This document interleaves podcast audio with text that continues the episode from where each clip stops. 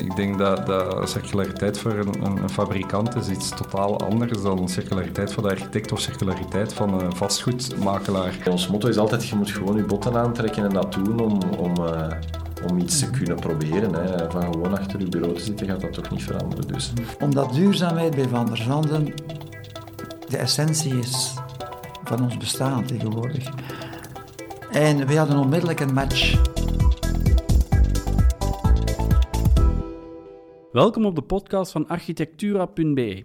In onze tweede aflevering richten we de spots op het architectenbureau DMOA, dat in 2020 de Jo Crepin Award achter zijn naam mocht schrijven.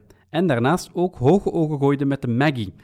Met deze vluchtelingentent won DMOA onder meer een Henri van de Velde Award en een Belgian Building Award voor sociaal engagement.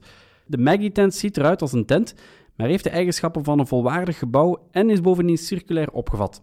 Behalve de twee zaakvoerders Benjamin de Nef en Matthias Mattelaar laten we in deze podcast ook Pierre Wuitak aan het woord. Hij is CEO van baksteenfabrikant Van der Sande.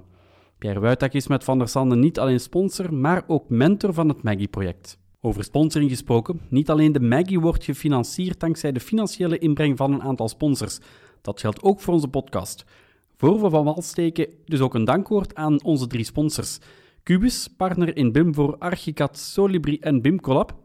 Assiver, verzekeringsmakelaar gespecialiseerd in polissen voor architecten. En Velux, partner in daglichtoplossingen.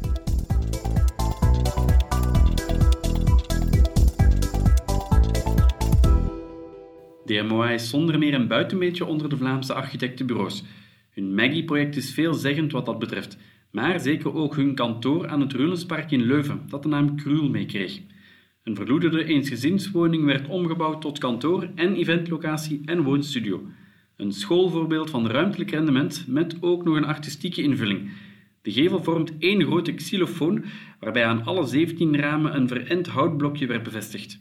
Een camera registreert de bewegingen van passanten en zet deze om in klanken.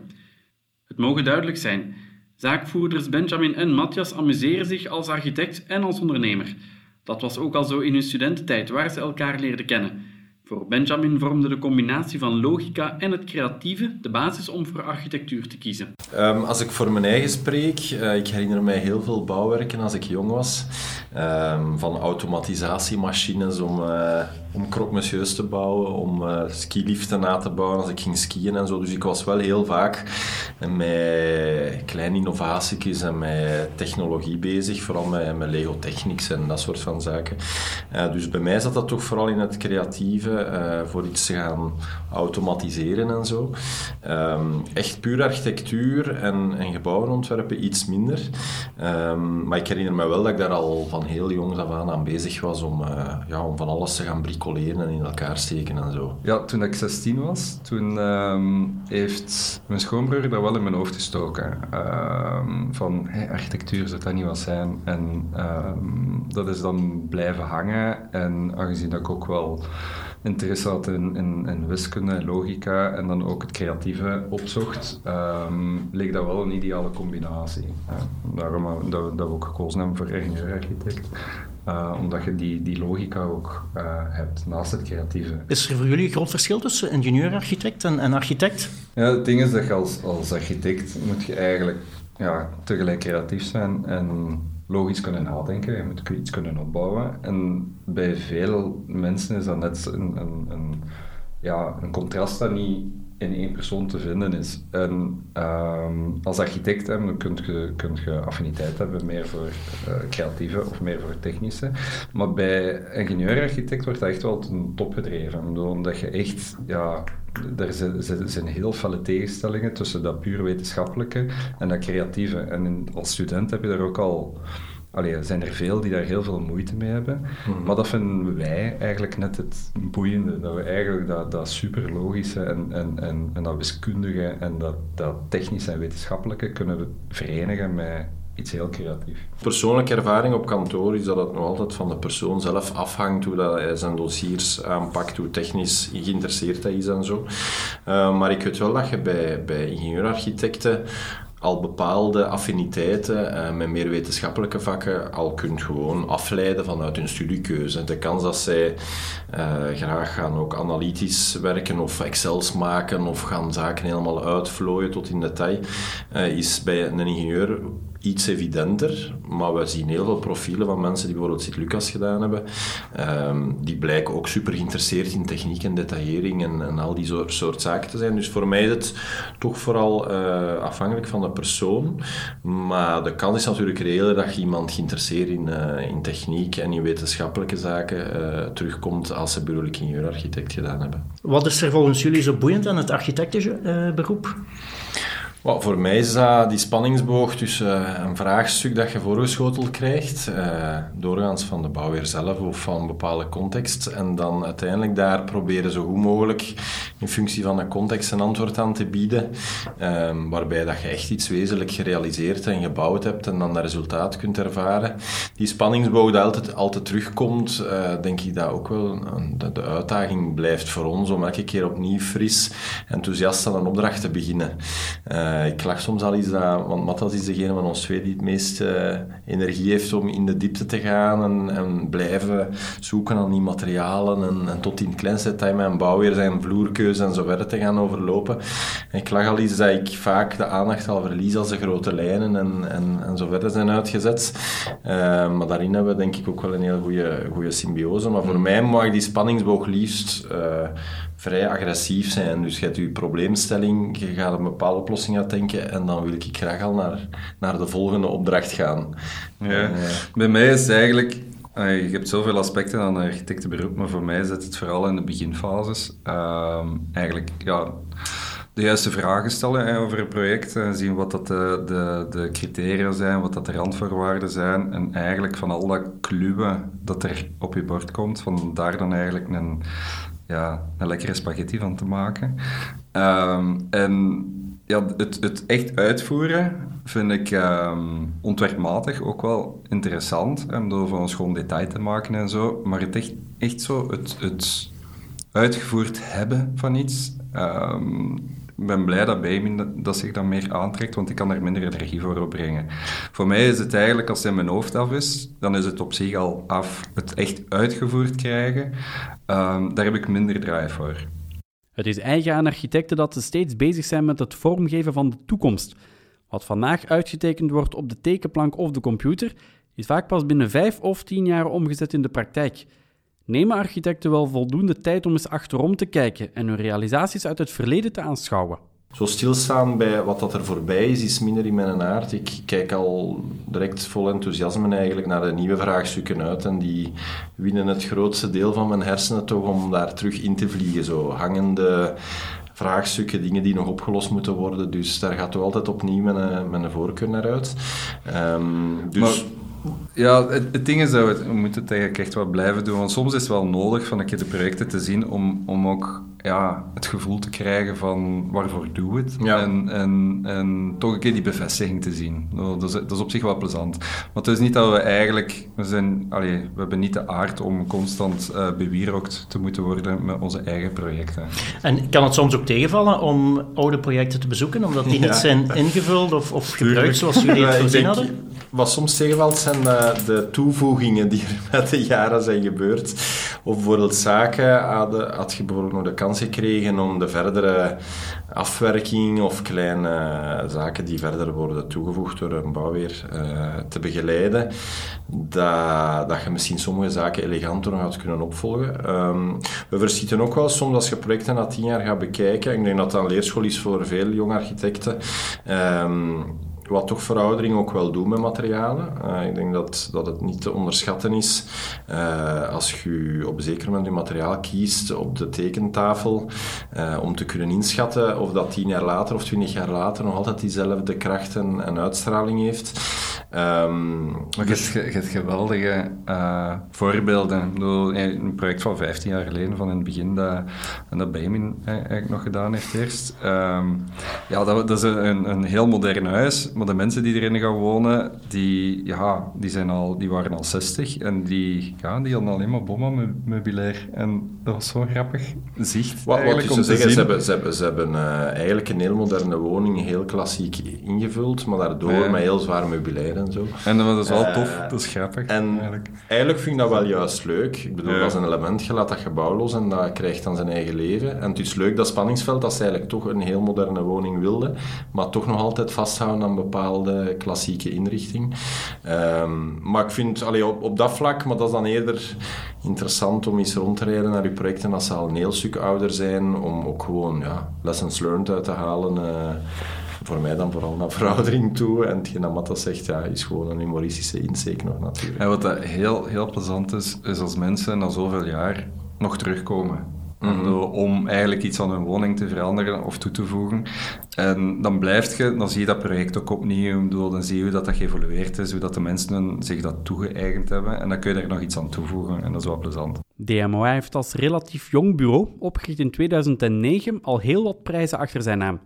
Een prijs die het bureau bijzonder veel plezier deed was de Jo Crepin Award. Geen architectuurwedstrijd in de letterlijke betekenis van het woord, omdat het niet in de eerste plaats de architectuur, maar wel het management is dat bekroond wordt. Wel, eh, ja, hetgeen dat we bij de Jo Award heel hard op hebben ingezet, is op een soort zelfsturende teams te maken, waarbij dat iedereen zijn competentie eh, samenkomt. Dus als je een concreet vraagstuk hebt en je ziet bijvoorbeeld met eh, hoe gaan we het energetisch aanpakken, dit project, dan heb je in ons bureau een x-aantal mensen die echt soort beter zijn over het concept, ik zeg maar iets warmtepomp, het concept eh, hoe dat je zonneweringen gaat aanpakken, het concept hoe dat je vloerkeuzes gaat doen. En we proberen met mini-teams telkens met, met regelmatig samen te zitten, de juiste experten samen te brengen bij de projectleider en zo eigenlijk ja, telkens de, allee, de, de kwaliteit van een vraagstuk zo hoog mogelijk te kunnen oplossen. Ehm, en die zelfsturende teams die maken dat zelfs Matas op sommige punten echt overbodig is als er op een bepaald vraagstuk wordt nagedacht.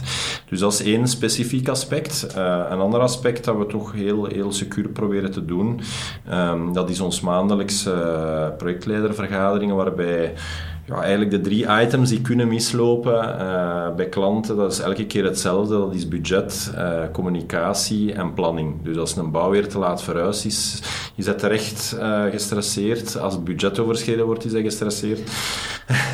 En als er slecht wordt gecommuniceerd, hè, want communiceren blijft een van de meest moeilijke dingen, omdat je elke keer met een ander type of profiel van, van klant voor u zit. Ehm, dat kan ook een dossier op een zeker moment echt doen, eh, ja, doen, doen escaleren. Ehm, dus elke maand toetsen wij onze projectleiders af van oké, eh, hoe zit het met die zaken? Blijft de verhuisplanning gerespecteerd? Eh, is het budget gestegen en is dat juist gecommuniceerd met de klant? Weet hij ook dat hij die keuzes zelf heeft gemaakt niet? Ehm, en zolang dat je die dingen heel, heel hygiënisch monitort in een bedrijf, merken wij dat je eigenlijk alles wel relatief snel onder controle kunt houden. Renabiliteit en het beroep van architect. Het gaat niet altijd even goed samen. Het wordt hoe langer hoe moeilijker om als architect het hoofd boven water te houden. Maar volgens Benjamin de Nef staat de architect wat te vaak aan de klaagmuur als het over renabiliteit gaat. En heeft hij dat wel degelijk zelf in de hand. Ik wil zeker niet de kaart trekken, want ik vind dat architecten wel al iets vaker zo altijd dezelfde klaagzang. Het financiële. Het financiële. We zijn wel van mening, eh, en het is niet zo dat wij al een, een, een super rendabel bureau zijn, maar we zijn wel elk jaar gestaag gegroeid en we hebben elk jaar wel een klein, kleine winst kunnen maken. Oké, er zijn jaren dat het dan nauwelijks iets was, er zijn jaren die wat beter waren. Eh, maar ik ben wel van mening als je eh, het, het, het de perfecte efficiëntie probeert na te streven eh, en je blijft eraan werken, ben ik wel van mening dat het perfect haalbaar moet zijn om rendabel te zijn. Eh, veel architecten die klagen over als ze te weinig verdienen. Ehm, die analyseren niet voldoende heel dat traject. Dat maakt dat ze zoveel uren steken, soms in ideeën die totaal niet haalbaar zijn. En waar ze zo vaak moeten eh, hun plannen gaan aanpassen omdat het budget veel te hoog blijkt nadat de prijzen binnenkomen. Ehm, dat ze het voor een stukje zelf gezocht hebben. Ehm, het is zeker zo dat creatieve beroepen het moeilijk hebben. Hè. Als je in extremis denkt richting alles wat met kunst en uh, cultuur te maken heeft, waar dat de zwaarste klappen uh, momenteel vallen, uh, daar is het vaak moeilijk om uit te leggen als je nu nadenkt over iets en je toont die lijnen op papier. Mensen hebben daar vaak moeite mee om zich daarin te verplaatsen, hoeveel tijd het kost om tot die lijn te komen. als je een auto binnenbrengt, je repareert die en die rijdt terug, dat is een heel waarneembaar iets. Um, maar voor een creatief beroep is dat moeilijk. Als je een kunstschilder zijn schilderij ziet, als hij daar duizend uur heeft ingestoken, dat is bijna niet te vatten. Uh, je moet dan een hele grote naam hebben om dan daar ook ineens je prijs voor te kunnen vragen, dat je daar per uur iets aan overhoudt. En dat is, dat is een heel moeilijk evenwicht. Uh, maar ik denk de hoop, het hoopvolle moet zijn voor architecten dat als je blijft sleutelen aan, de, aan, de, aan hoe goed je bureau werkt en waar heel veel verloren uren zitten, dat je wel nog veel potentieel hebt om je rendement echt op te trekken. Weinig bureaus kunnen zeggen dat je een van hun ontwerpen terugvindt in zowel Kenia, Bangladesh, Irak, Cameroen als in eigen land. DMOA wel. Het gaat dan ook om een heel bijzonder project, namelijk de Maggie Shelters. Dat is een tentenconstructie voor vluchtelingen met de stevigheid en het comfort van een gewoon gebouw. Het levert de DMOA zowel een Belgian Building Award for Social Engagement op als een Henri van de Velde Award. De Maggie Shelter vormt een knappe symbiose van creativiteit, techniciteit, sociaal bewustzijn en circulariteit. Het idee ontstond, net zoals zoveel goede ideeën, tussen pots en pint. Oh, eigenlijk tussen pot en pint in de Via Via in Everlee. Uh, Bart Peters, niet dun Bart Peters, maar nun Bart Peters, uh, was een collega-papa van een voetbalploegje. Um, en die kende ons project wel al wat. En voor hem ook in zijn hoofd was dat oké innovatief en uh, ambachtelijk. Dus die mannen die zien dat wel waarschijnlijk zitten om zo uh, ergens een bepaald vraagstuk te willen oplossen. Hij was al 30 jaar actief in humanitaire hulp en zo. Uh, en eigenlijk tussen pot en pint vroeg hij aan ons, wilt jij de skills ook eens niet inzetten voor een sociaal vraagstuk?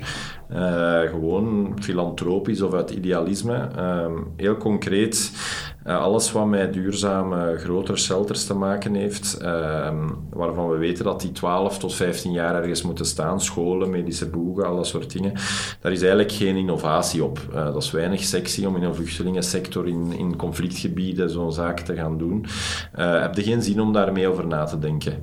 En we hebben toen ja gezegd, een paar schetsjes gemaakt, en voordat we het wisten hadden we een Gantt-chart, alleen een heel protocol van idee tot innovatiedossier tot opleving proof of concept, eerste internationaal project, hadden daar een hele timeline voor ons gemaakt, waardoor dat wij voor de eerste keer, en dat is wel boeiend, ook zo heel dat innoveren en consortiumverhaal en ook een deel subsidieverhaal um, hebben aangeleerd als kantoor. Uh, dat was een, een, een heel interessant hmm. gegeven om eens iets totaal anders te doen.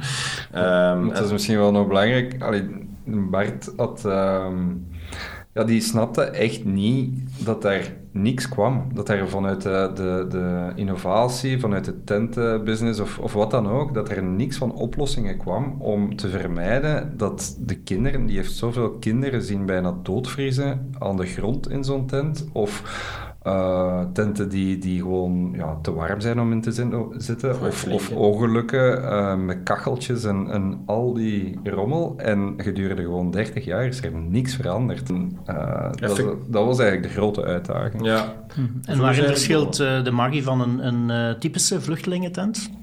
Ja, het idee van de Maggie is eigenlijk gebaseerd één, één op twee contextelementen. Zijn vluchtelingen blijven gemiddeld 15 jaar in een kamp. Dus als er een conflict uitbreekt of uh, er is een natuurramp, mocht je er zeker van zijn. Ik heb bekijk bijvoorbeeld in Haiti, daar zitten heel veel mensen altijd in exact dezelfde situatie als tien jaar geleden. Um, moet je gemiddeld rekenen dat iemand daar 15 jaar vast zit. Dat is eigenlijk de cijfers die door UNHCR worden gepubliceerd, 12 tot 15 jaar. Dat is eigenlijk context 1. Context 2 uh, is dat er 65 miljoen momenteel geregistreerd zijn, uh, vluchtelingen. En ze verwachten dat dat richting 100 miljoen gaat gaan tegen 2025. Uh, en context feit 3 is dat wat er momenteel gebruikt wordt gewoon niet weerstaat tegen de erbarmelijke klimatologische omstandigheden waar dat vluchtelingen vaak worden weggezet.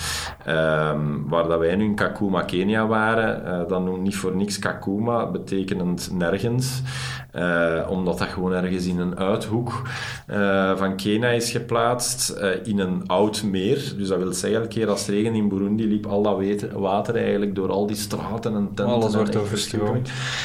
dus die worden altijd typisch in een locatie gezet waar dat verschrikkelijk is en niemand wil wonen. Dus dat komt daar bovenop. Dus als je al die feiten samenlegt, ja, dan moet iemand eigenlijk, die daar 15 jaar zit, een degelijke oplossing hebben. Dat je niet jaar na jaar opnieuw een tent moet zetten als ze, als ze versleten is. Um, dus wij zijn gewoon als ontwerpers vanuit dat gegeven vertrokken van hoe bouwt je iets in een context dat je vaak alleen tijdelijke dingen mocht zetten. Jordanië bijvoorbeeld is verboden om een vast gebouw voor een vluchteling te zetten. Dat moet een tent zijn, omdat ze schrik hebben dat ze er anders te lang blijven of, of zich te veel gaan settelen. Dus het moet iets tijdelijks zijn van karakter, maar het moet toch 15 jaar kunnen meegaan. Dus die twee samen brachten ons naar het idee van oké, wilt je iets hebben dat lang meegaat, moet je het gaan opvullen, isoleren, zwaarder maken. Uh, moet het heel snel kunnen rechtstaan, moet je genre containers of tenten gaan denken. En die twee samen is eigenlijk de magie, dus een soort jurt-idee. Een dubbele envelop, gevuld hem op met lokale materialen en zo komt het tot iets. Ja, als een magie opgevuld is, weegt hem 60 ton ongeveer en heeft een enorme massa-inertie of isolatieve waarde. Dus dat is het basisidee waar we van vertrokken zijn. Het concept van de Maggie zit goed in elkaar. Maar om het financieel en organisatorisch van de grond te krijgen, heeft DMOA aangeklopt bij diverse bedrijven uit de bouwsector. Pierre Wuitak, CEO van steenfabrikant Van der Sande, ging meteen overstag. En vandaag is Van der Sande hoofdsponsor van de Maggie en opereert Pierre Wuitak ook als mentor. Pierre Wuitak, jullie zijn met eh, Van der Sande hoofdsponsor van de Maggie. Hoe is dat gekomen? Hoe hebben jullie de Maggie leren kennen? We hebben Maggie leren kennen op de uitbreiking in 2018 van de Batibo architectuurprijs voor innovatief sociale architectuur. Op dat moment zat ik ook in de zaal, want wij hadden ook een inzending gedaan voor een ecologische baksteenstrip. En ik was zo overtuigd, we gaan met een waard naar huis. Ontgoocheling was groot dat de Dubio van Elissen het gehaald heeft en niet van der Zanden zijn ecologisch geproduceerde steenstrip. Maar toen kwam Benjamin en Matthias ook op het podium met een magie-shelter.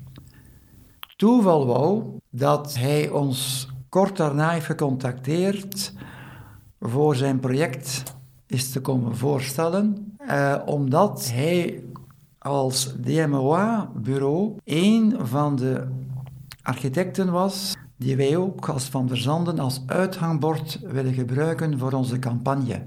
Architecten met zingeving, architecten met visie, uh, duurzaam, omdat duurzaamheid bij Van der Zanden de essentie is van ons bestaan tegenwoordig.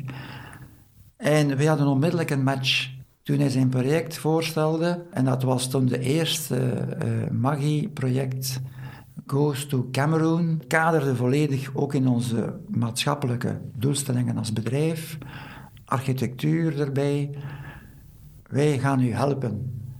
En hij was pas in het begin van zijn funding en van die twee uh, tentjes of shelters voor Cameroon hebben we gezegd, één is er van der Zande. En met zijn andere sponsor had hij snel de tweede rond. En jaar op jaar hebben wij telkens, omdat dat verwonderde mij. Ik was zo geenthousiasmeerd door het concept, door het idee dat ik dacht, je krijgt funding zoveel je wil. Dat blijkt niet zo te zijn. Elk jaar opnieuw moest hij terug zoeken om het rond te krijgen. En dan Jezedi was de volgende project. In Noord-Irak ja, hebben we gezegd, we zullen het gat dichten. Ook weer een tent van ons.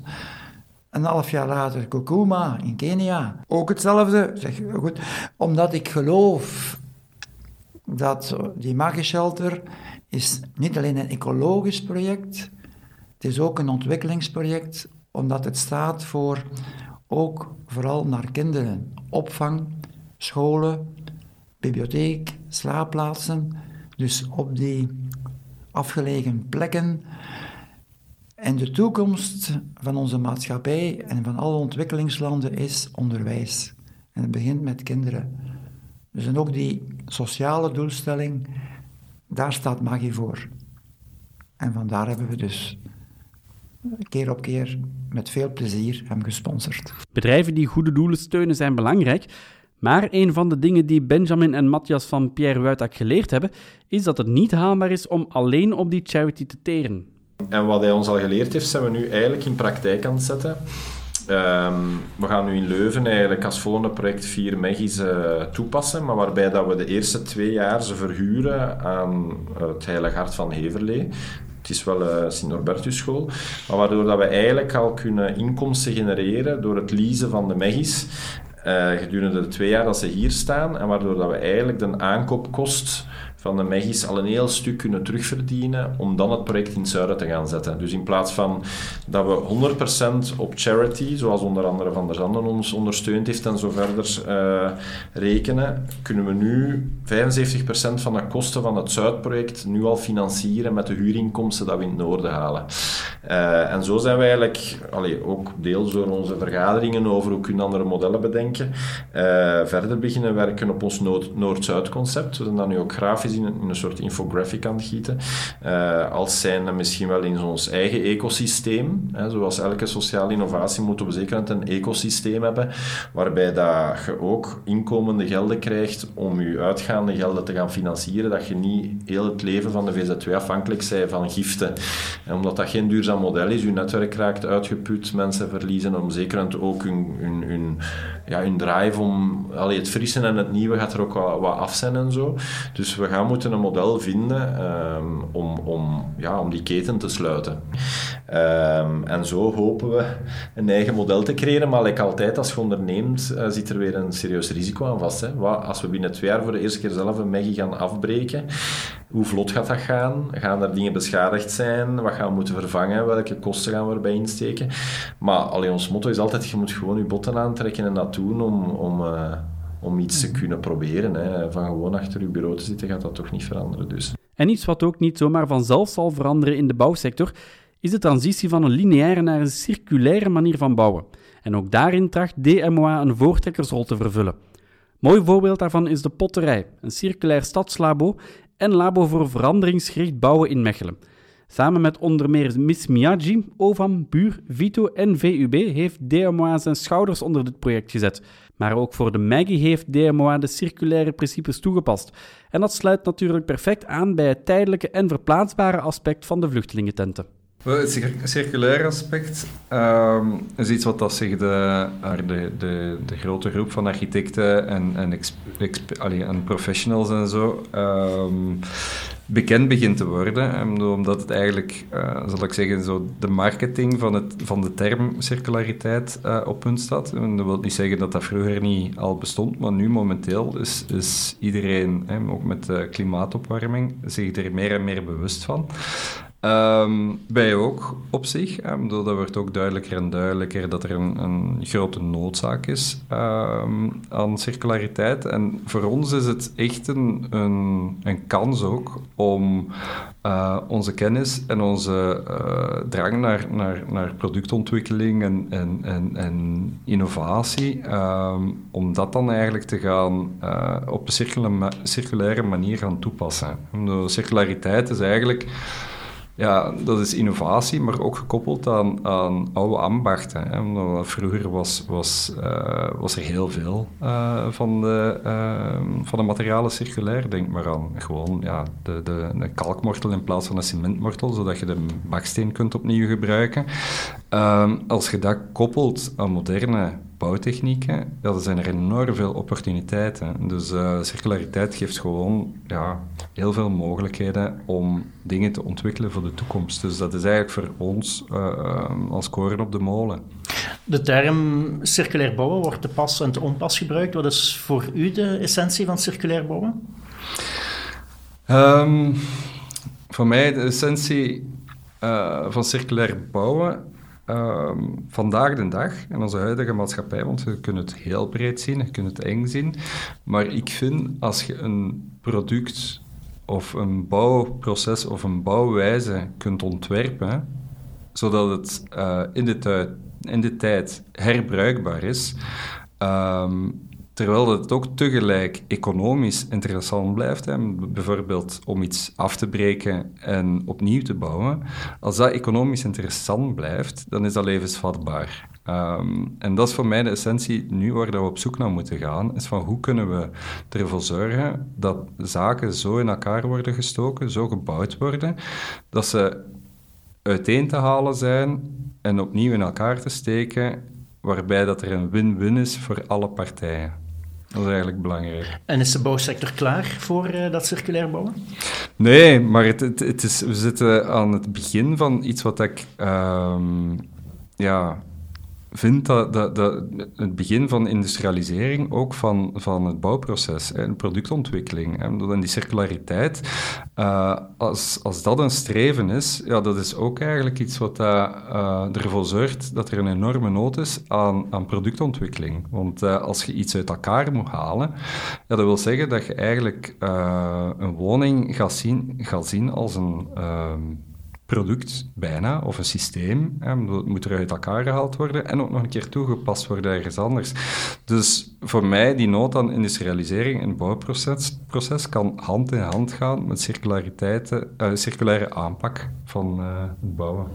En, ja. Ik denk dat er ook gewoon kleine uh, veranderingen nu al zijn die direct hun nut kunnen bewijzen. Zo gewoon laaghangend fruit van oplossing bijvoorbeeld. ik vind het interessant dat Derbegum bezig is met hun mechanisch bevestigde dakbanen die dan later ook veel gemakkelijker kunnen van uw plaatmateriaal dat eronder zit uh, afgehaald worden en dat je al niet met die volledig doorpekte uh, lijmen onder zit. Dat is zo'n kleine aanpassing, maar dat is eigenlijk zo interessant. Hetzelfde bijvoorbeeld met uitvullingen, de klassieke chappes uh, of isolatiematerialen die niet per se gespoten moeten worden, maar die bijvoorbeeld met, met gerecycleerde korrels kunnen uitgevoerd worden. bij dat project met die Tunia appartementen dat ik daarnet even zei, daar gaan we met houtskeletsystemen werken, waarbij dat, om de massa te verhogen losse kiezel ook gebruikt wordt voor de akoestiek te verbeteren. En waarbij je uitvullingen bijvoorbeeld met een vermalen uh, puur kan gebeuren, die een residu- of recyclageproduct is van een klassieke gespoten puur. Uh, en zo kunnen toch met heel kleine ingrepen al zorgen dat je, dat je ja, je laaghangend fruit op zijn minst al kunt, uh, kunt plukken. Um, wat we wel al langer doen, denk ik, is ja, het verhaal uh, bouwen voor een lange termijn met uw buitenschil of met uw plan libre. Uh, doen wij al heel, heel lang, denk ik. Ik denk dat ons allereerste woning dat we ooit ontwerpen al zo, zodanig was dat niks dat niet moestragend zijn, allemaal met lichte wanden was. Zodat je dan een bouw weer zoveel jaar later volledig een tabula rasa kan doen, binnen zijn buitenschillen en alle kanten uit kan met zijn woning. Uh, en ik denk dat we dat eigenlijk bijna heel onze carrière lang al doen. Hè. Ja, maar we moeten natuurlijk veel... Ah ja, er is een nood om veel verder te gaan hè, vandaag de dag. Mm. Dus um, het, is, en het is ook op alle vlakken. Het is ge, uh, ruimtegebruik, hè, bedoel, want het is ook... Uh, zoals dat we nu met ons kantoor doen, en waarbij dat ruimtes, onze vergaderruimtes, hebben we zo ingericht dat er ook een keuken is en, en dat het kan verhuurd worden voor events. Hè, dus twee of drie keer per week uh, huren mensen dat, uh, zodat dat gebruik uh, ook dubbel is, zodat er minder nood is aan zoveel extra ruimte. En dat is ook circulair gebruik van, van architectuur. En het, het strekt zich op zoveel aspecten dat je niet circulariteit als één ding kunt vervatten. Um, ik denk dat, circulariteit voor een, een, fabrikant is iets totaal anders dan circulariteit voor de architect of circulariteit van een vastgoedmakelaar. en denk dat we daar nog heel veel werk kan hebben om, om dat helder te krijgen. Hè? Van, van Ik denk dat dat meer toegespitst is uh, op wie dat je bent, hè, wat, dat, wat dat circulariteit betekent, dan dat je één algemene definitie kunt uh, gaan hanteren. Dus het lijkt mij heel, heel, heel interessant in de toekomst, maar voor ons is het echt wel um, een opportuniteit om meer naar productontwikkeling te kijken, van hoe kun je de bouwprocessen en bouwen um, verbeteren op een circulaire manier, of aanpakken op een circulaire manier belangrijk pijnpunt van uh, circulair bouwen is de rendabiliteit. Dus het is meestal nog veel goedkoper om iets uh, af te breken en opnieuw te bouwen dan uh, het circulair gaan, gaan hergebruiken. Hoe zullen we dat ooit kunnen doorbreken?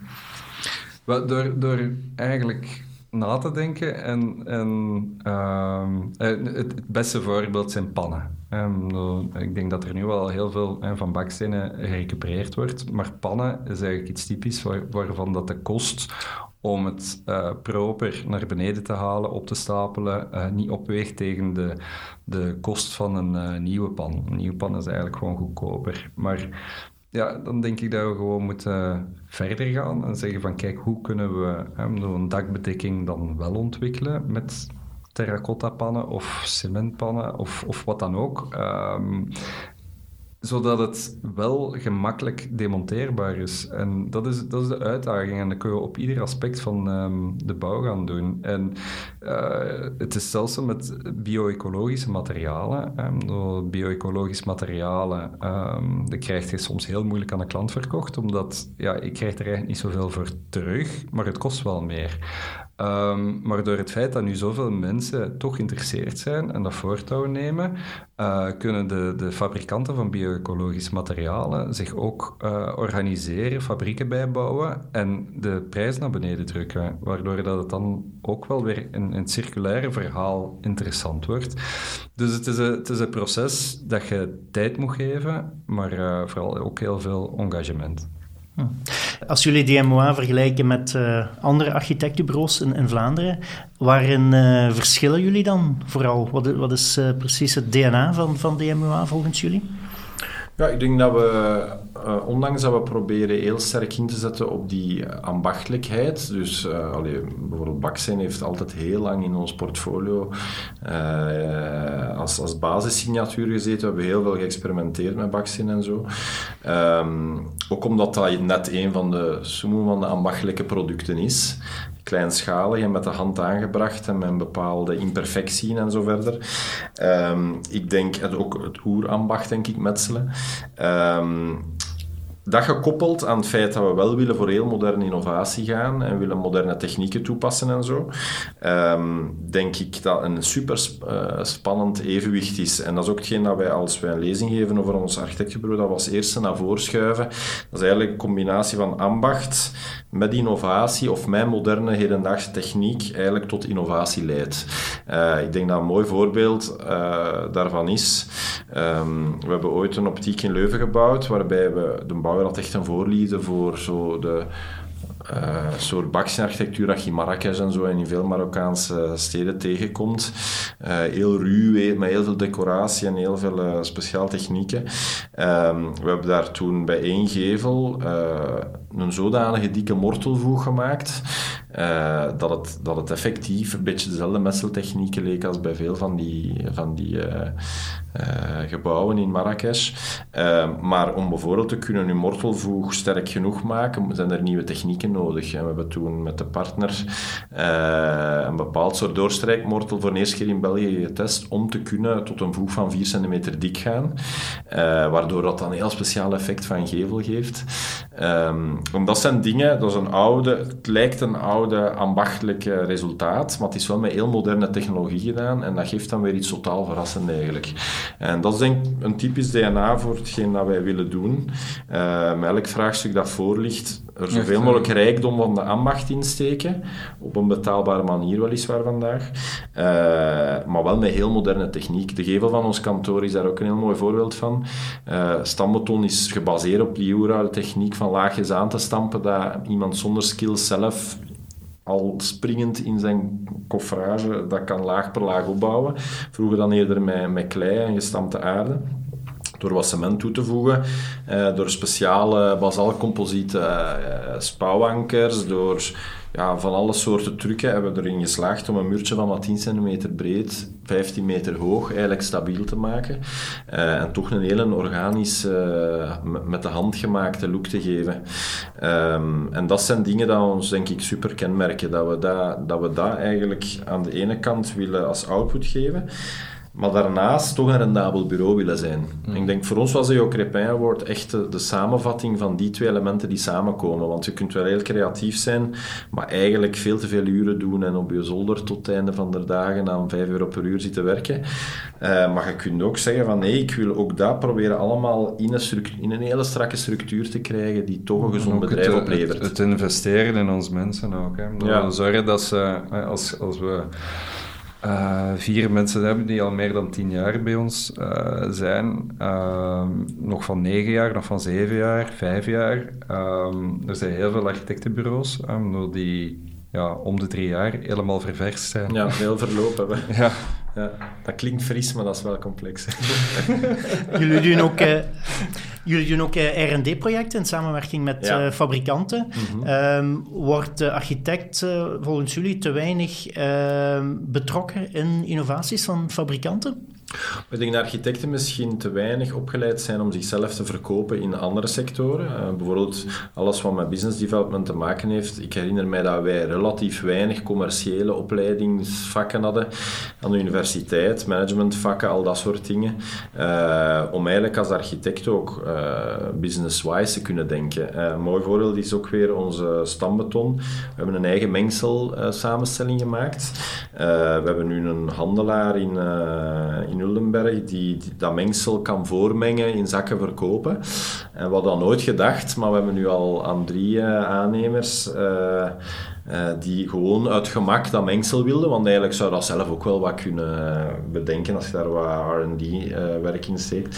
Eh, maar dus al drie keer hebben we mogen een commissiefactuur uitsturen, eh, dat die een handelaar zei, ah voilà, kijk, jullie mengsel is verkocht voor Villa A, B en C. Eh, en wij mochten een commissiefactuur sturen dat eigenlijk post factum al ons studiewerk, al die honderden en honderden uren om een goede mengsel te krijgen, eh, nu toch doet terugverdienen. Eh, ik zie ook onze collega's van, van BC dan, die hier vorige keer zaten, zijn ook heel sterk bezig met eh, hun alle afgeleide producten van de gestampte aarde.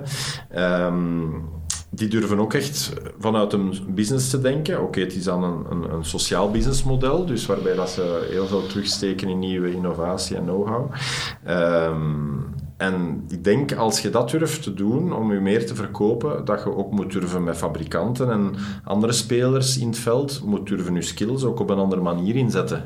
Ja, ik denk dat je Ehm, echt wel buiten de, li- de lijntjes moet kunnen kleuren eh, op dat vlak. En dat dat eigenlijk ook het architectenbureau van de toekomst, dat dat ja, we gaan meer op die grens moeten zitten van productontwikkeling en architectuur. Want ik denk dat we daar ook goed geplaatst voor zijn. Zeker met onze ingenieursachtergrond. Er is een enorm grote denk ik, nood aan, aan industrialisatie van het bouwproces. Ehm, want hoe dat we bouwen vandaag de dag is eigenlijk, al ja, laten we zeggen, ehm, ja, vrij achterlijk ten opzichte van hoe dat eigenlijk eh, de industrie werkt. En eh, daar zitten opportuniteiten. En ik denk dat we als architect die kans moeten grijpen om op die spul te zitten tussen de industrie, tussen fabrikanten en eh, het echt bouwen van een, van een eh, woning of wat dan ook. Wat bijvoorbeeld een interessant eh, case was, wij, wij zijn ooit ingeschakeld door een fabrikant van eh, kunststof zeilen, en dat is deels door het MEGI-project, om mee na te denken over een systeem van groenwanden, om heel snel uh, geïrrigeerde zeilwanden eigenlijk te voorzien van uh, begroening, dus dat je heel snel kon uh, een groenwand maken. Um, die had een fantastisch product ontwikkeld, maar eigenlijk het omzetten naar architectuur, waarbij dat dus zo'n wand aan zijn randen strak moet mooi kunnen aansluiten aan de gevelsteen, of waarbij dat het onzichtbaar bevestigd is en al dat soort zaken, merk je dat die hun R&D-afdeling minder kaas van heeft gegeten, omdat ze niet continu dat meer holistisch vraagstuk voorgeschoteld krijgen. Als wij een huis ontwerpen, krijgen al die delen samen en hebben die een helikopterview. En wij gaan natuurlijk geen raam of een baksteen of iets anders uitvinden. Die componenten bestaan en bestaan fantastische ontwikkelingen in. Maar die samenbrengen tot iets dat er echt goed uitziet, uh, of, of, of bouwtechnisch waterdicht en duurzaam is, dat is net onze skill. Dat is iets dat we zoveel jaren al doen, dat je daar eigenlijk getraind in wordt om die driedimensionale setting samen te doen komen. En daar hebben heel veel R&D-afdelingen van fabrikanten eigenlijk wel uh, een interessante partner in, als je kunt even je expertise ermee inpompen om je product uh, om te vormen naar iets dat ook echt markt implementeerbaar is, naar echt een concrete oplossing. Met DMA hebben jullie al een hele weg afgelegd. Uh, welke raad zouden jullie geven aan, aan, jonge architecten die nog aan het begin staan van hun carrière? Ja, ik denk hetgeen dat we daarnet ook hebben uitgebreider verteld. Um, dat ten eerste dingen durven doen gewoon heel belangrijk is. Dingen proberen, experimenteren, dingen vastpakken en durven je handen vuil te maken. Uh, dat is één heel belangrijk ding. Uh, ik denk een tweede belangrijk ding is um, van toe die multidisciplinariteit in grotere bureaus ook te gaan opzoeken voor een stuk. Uh, want het idee om als architect nog alleen, als een homo universalis, alles te kunnen aanbieden aan een klant, ik denk dat dat toch wat meer en meer aan het verdwijnen is. En ook wel voor een stuk maakt dat als we met architecten allemaal op ons eigen werken, uh, dat we die sector ook wat complexer en minder rendabel voor elkaar maken. We hebben het geluk dat we sommige mensen hebben op ons kantoor die wat geproefd hebben van ook wat projecten op hun eigen te doen. Sommigen dat ook nog altijd doen. Maar die toch wel hoe langer hoe meer hun vinger kunnen leggen op de, op het, op de meerwaarde van in, in een bureauomgeving te werken, waar dat ieder in zijn sterkte uh, eigenlijk de algemene som een hogere kwaliteit maakt als dat je het alleen moet doen. Um, dus ik zou dat ook wel willen voor pleiten, dat mensen niet per se zo het solo slim verhaal moeten trekken als het, het hoogst haalbare van ik moet iets op mijn eigen beginnen, maar dat je toch ook wel in een bedrijf, als daar een goede visie is op hoe dat je kunt doorgroeien en uit, uitgedaagd blijft en zo verder, uh, dat daar ook heel, een heel aantrekkelijk werkmodel in zit. En ik denk, uh, het derde punt dat ik mensen, uh, jonge mensen zou willen aanraden, dat is om echt te leren efficiëntie en pragmatisme en nakalculatie en al dat soort zaken echt mee op te nemen in uw model. Dus dat ze, hun, hun, dat ze leren als een, ook als een business developer denken, maar ook moeten durven kritisch omgaan met hoe lang werk ik nu om een vraagstuk op te lossen en is dat rendabel en waar eigenlijk verlies ik mijn eigen te veel in mijn creativiteit. Dus ik denk dat je moet durven je moet niet gewoon verwachten van ik ga hier een beetje de kunstenaar uithangen en dat geld zal wel binnenkomen. Je moet ook gewoon, allee, echt goede kunstenaars, die zijn ook, ook met business bezig. Hè? Die beseffen ook maar al te goed uh, wat het kost om iets te creëren. Dus je moet daar niet avers van zijn, maar dat eerder omarmen en als tool gebruiken om een gezond bedrijf te hmm. creëren. Maar ik denk echt... Uh een van de belangrijkste dingen, denk ik, voor jonge architecten, starten, starten de architecten die eigen opdrachten doen, is van vraag voor voldoende eerloon. Weg niet gratis. Een correct eerloon. Een correct eerloon, want um, veel, veel studenten, ja, die doen dan, een keer dat ze afgestudeerd zijn, eh, doen opdrachten hier en daar, maar die bekijken dat ook als een student. Hè. Die werken gewoon keihard en die zijn content met zelfs gratis werken. Hè. Die... die Um, ja, dus gewoon een soort van extensie van hun student zijn. Um, en ik denk dat ze echt wel beter gebaat zijn om al van hun begin te staan op een goed eerloon, zodat ze eigenlijk hun bedrijf beter kunnen uitbouwen. Mm -hmm. Ja. Um, jullie zijn gevestigd in Leuven. Hoe, in hoeverre zijn jullie verknocht met Leuven? Zien jullie het als, een, als jullie thuishaven ook, of is het ook echt jullie favoriete stad in Vlaanderen? Mm -hmm. Wel, uh, ik ben degene die zo wat onder de kerktoren geboren is en in Leuven uh, gebleven is. Mattels is meer de globentrotter. Ik ben een nomaat. Ja, Mattels is een nomaat. Uh, ik besef dat Leuven wel een kleine setting is waar dat je al sneller in een hip café direct iedereen bent tegengekomen.